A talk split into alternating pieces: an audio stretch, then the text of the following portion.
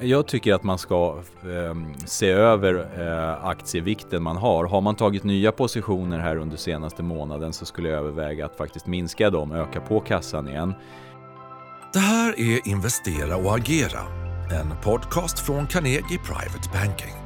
Hej och eh, välkommen till ett nytt avsnitt av Investera och agera med mig Jonas Elofsson, börsredaktör här på Carnegie Private Banking och även då chefredaktör för vårt kundmagasin är Insikt. Och det är onsdag eftermiddag den 16 november när vi spelar in och eh, vid min sida så har jag vår aktiechef Carl Hedberg som ska dela med sig av sin syn på börsen och även ett spännande aktiecase. Välkommen Kalle! Tack så mycket! Idag handlas börsen ned lite grann här i skrivande stund, lite drygt 1% när jag kollade här innan vi gick in i studion. Och eh, Carl, det blev ju glädjyra på börserna i, i förra veckan då när de amerikanska inflationssiffrorna för oktober presenterades och det var kraftiga uppgångar både i USA och Sverige som adderade på den här uppgången som inleddes i oktober och eh, har lyft, eh, ser ut som Stockholmsbörsen, ungefär 18 procent. De, eh, ja, Sverige leder den uppgången och de amerikanska börserna är något efter i de där siffrorna. Men vad, vad, vad är det som händer i det här? Är det en återhämtning eller är det, är det fortfarande björnmarknadsrally som du tidigare har trott? Har du, vad är din syn? Jag tror fortfarande att vi är i en eh, mer långsiktigt fallande trend eh, och då bör det här rimligtvis vara ett, ett björnmarknadsrally. Och tittar vi också lite grann historiskt sett så är ju den här typen av stora rörelser och snabba studsar uppåt, de är ju betydligt mer vanligt förekommande i då just en, en fallande trend på marknaden. Så att jag tycker inte att det här än så länge på något sätt ser ut att avvika från det. Så att jag tror att det här är tillfälligt och att vi kommer ha en ny rörelse nedåt framför oss. Mm. Men um, du, ser inte några, du fick inga mer ledtrådar i rapportperioden där eller vad, vad tar du med dig där? Den är i princip över? Det jag tycker man tar med sig därifrån det är att det fortfarande är ganska bra fart i ekonomin, framförallt när det gäller de här större industribolagen. De har inte riktigt märkt av den här förväntade avmattningen än så länge. Eh, många konsumentbolag har ju märkt det här betydligt tydligare och man märker även i konsumentundersökningar att, att man är mer försiktig. Men eh, som sagt, de större industribolagen har inte märkt av det här än så länge. Och jag tror ju inte att det beror på att de inte kommer göra det, utan jag tror bara att det är längre fram helt enkelt. Så det är ju också en bidragande faktor till att vi har sett den här starka utvecklingen senaste månaden. Att marknaden kanske sprang lite för fort fram och varit lite för försiktig eh, för snabbt. Mm. Det är eh, precis att ganska mycket elände var inprisat egentligen, eller kanske så man ska läsa in. Och, eh, jag tänker också på att man, det räcker kanske med att några faktorer blir lite mer positiva också när, när allt har varit ganska nattsvart. Jag tänker även på eh, alltså Kinas problem, där man ser lite lättnader kanske och det här ständiga snacket om att lätta covid-restriktioner till exempel och även utfallet i mellanvars, eller mellan årsvalet i USA var väl kanske också till i alla fall, inte till någon nackdel. Och så har vi där energipriserna, får man väl addera kanske till kortsiktiga parametrar. Absolut, det finns ju ett antal olika faktorer som faktiskt har sammanfallit här. Sen är ju givetvis den största bidragande faktorn att inflationssiffran från USA kom in något lägre än vad som har väntat. Eh, men en stor anledning till att vi såg den här stora eh, dagsrörelsen där, det tror jag har väldigt mycket att göra med att det var väldigt mycket positioner för ett betydligt mer negativt scenario. Och sen insåg man att, att det här faktiskt kan komma ut lite bättre i, i det korta och då behövde man täcka in de positionerna. Och det fanns ganska mycket likviditet utanför aktiemarknaden så att man insåg att man kanske var lite underinvesterad i aktiemarknaden om det här inte ska bromsa in så pass eh, snabbt som, som man tidigare har trott då i ekonomin. Men om, om, du tittar då lite framåt på vad, vad, vad, är de viktigaste faktorerna som påverkar börsen i, i det korta perspektivet? Vad, det, håller du ögonen på? Det kommer ju vara fortsatta inflationssiffror som kommer vara det styrande, för det är egentligen det som direkt leder till vilket agerande man ska förvänta sig av centralbankerna. Så att jag skulle säga att marknadens fokus kommer primärt vara på, på ny inflationsdata Eh, arbetslöshetsstatistik eh, kommer även vara viktigt. Det har ju varit en sån faktor som centralbanken har pratat om också, att man måste se en, en svagare arbetsmarknad innan man kan, kan börja titta på att dra ner på räntehöjningstakten eller ens börja titta på, på någon tidpunkt för att, att backa tillbaks räntehöjningar. Då. Mm.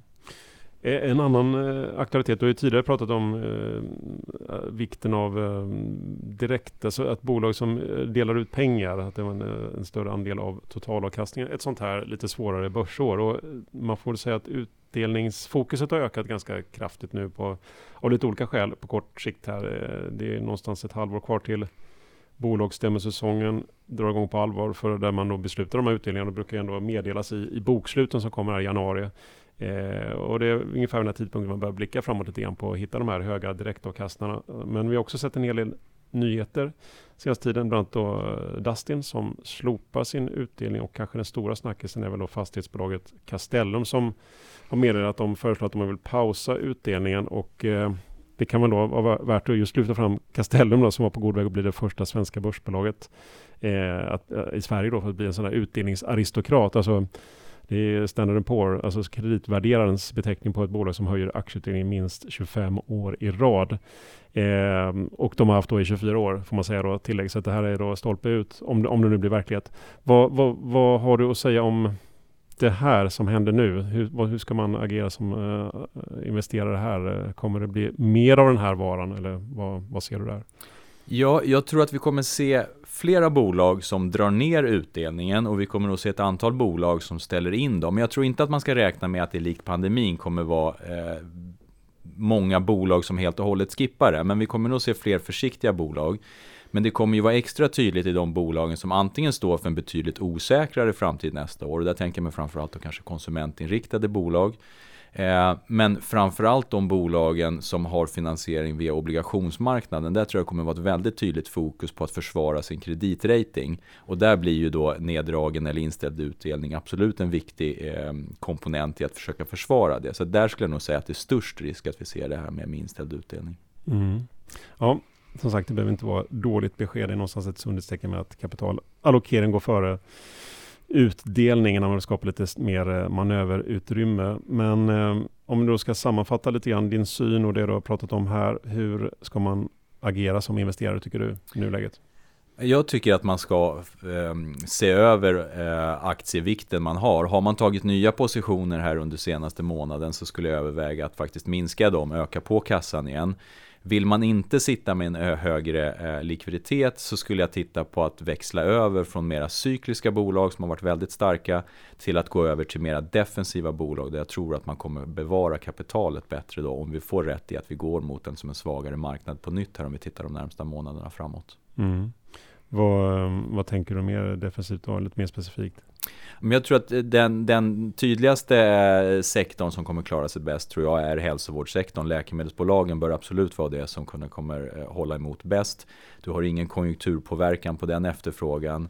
Eh, du har generellt sett inte några ansträngda värderingar och väldigt god överblick över både tillväxt och lönsamhetsnivåer framöver. Mm. Bra, det avslutar den börsdelen där. Jag vet att du har med dig ett aktiecase också i bagaget. Vad, vad, berätta vad du med dig. Ja, men lite grann på det här mm. temat med läkemedelsbolag. Eh, jag tror att det mm. finns som sagt många bolag som, som har ehm, fått stå tillbaks lite grann här nu senaste månaden när, när mycket annat har varit väldigt starkt. Jag tycker bolaget Caliditas eh, passar bra in på den här beskrivningen då som sagt med en icke-konjunkturell påverkan på efterfrågan utan snarare en god förväntad tillväxt här in i nästa år.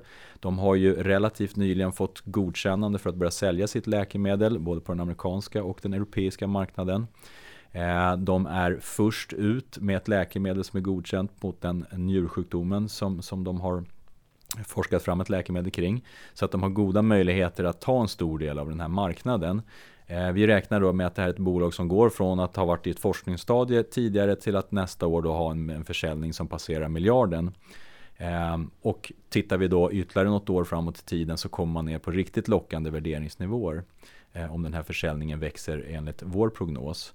Eh, den här aktien har dessutom varit lite svag här de senaste veckorna. Eh, det presenterades studiedata från den här studien som låg till grund för marknadsgodkännandet. Och det väckte väl en del frågetecken hos vissa på marknaden. Men vi tyckte snarare tolkningen var att det här ger ju stöd till den förväntade tillväxten vi ser framför oss. Så att, helt klart en spännande aktie med god tillväxtpotential. Mm, och kanske eh, viktigt att poängtera i de här tiderna också, det, det, de har ju så att säga en befintlig försäljning och en ganska snabb upprampning av den samma. Jag såg eh, prognoserna för Q4 var ju faktiskt lika mycket som Q1, Q2, Q3 tillsammans ungefär om man tittar på bolagets egna prognoser. Så det, det är en, eh, ganska bra fart i försäljningen, precis som du säger. Att gå.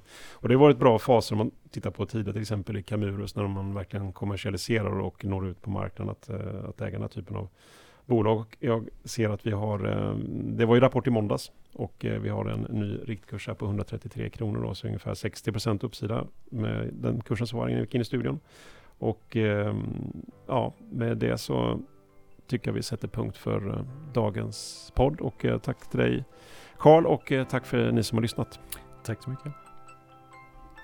Aktiecaset som vi tog upp här är en sammanfattning av Carnegies fundamentala analys som publiceras för Carnegies kunder i då Caliditas den 15 november. Och mer information om aktierna finns länkat i beskrivningen till den här podden. Och historik och underlag kan du få ut genom att mejla mar information Är du intresserad av topprankad aktieanalys och unika investeringsmöjligheter? Gå då in på carnegie.se privatebanking och lär dig mer om vad du får som private banking-kund hos oss.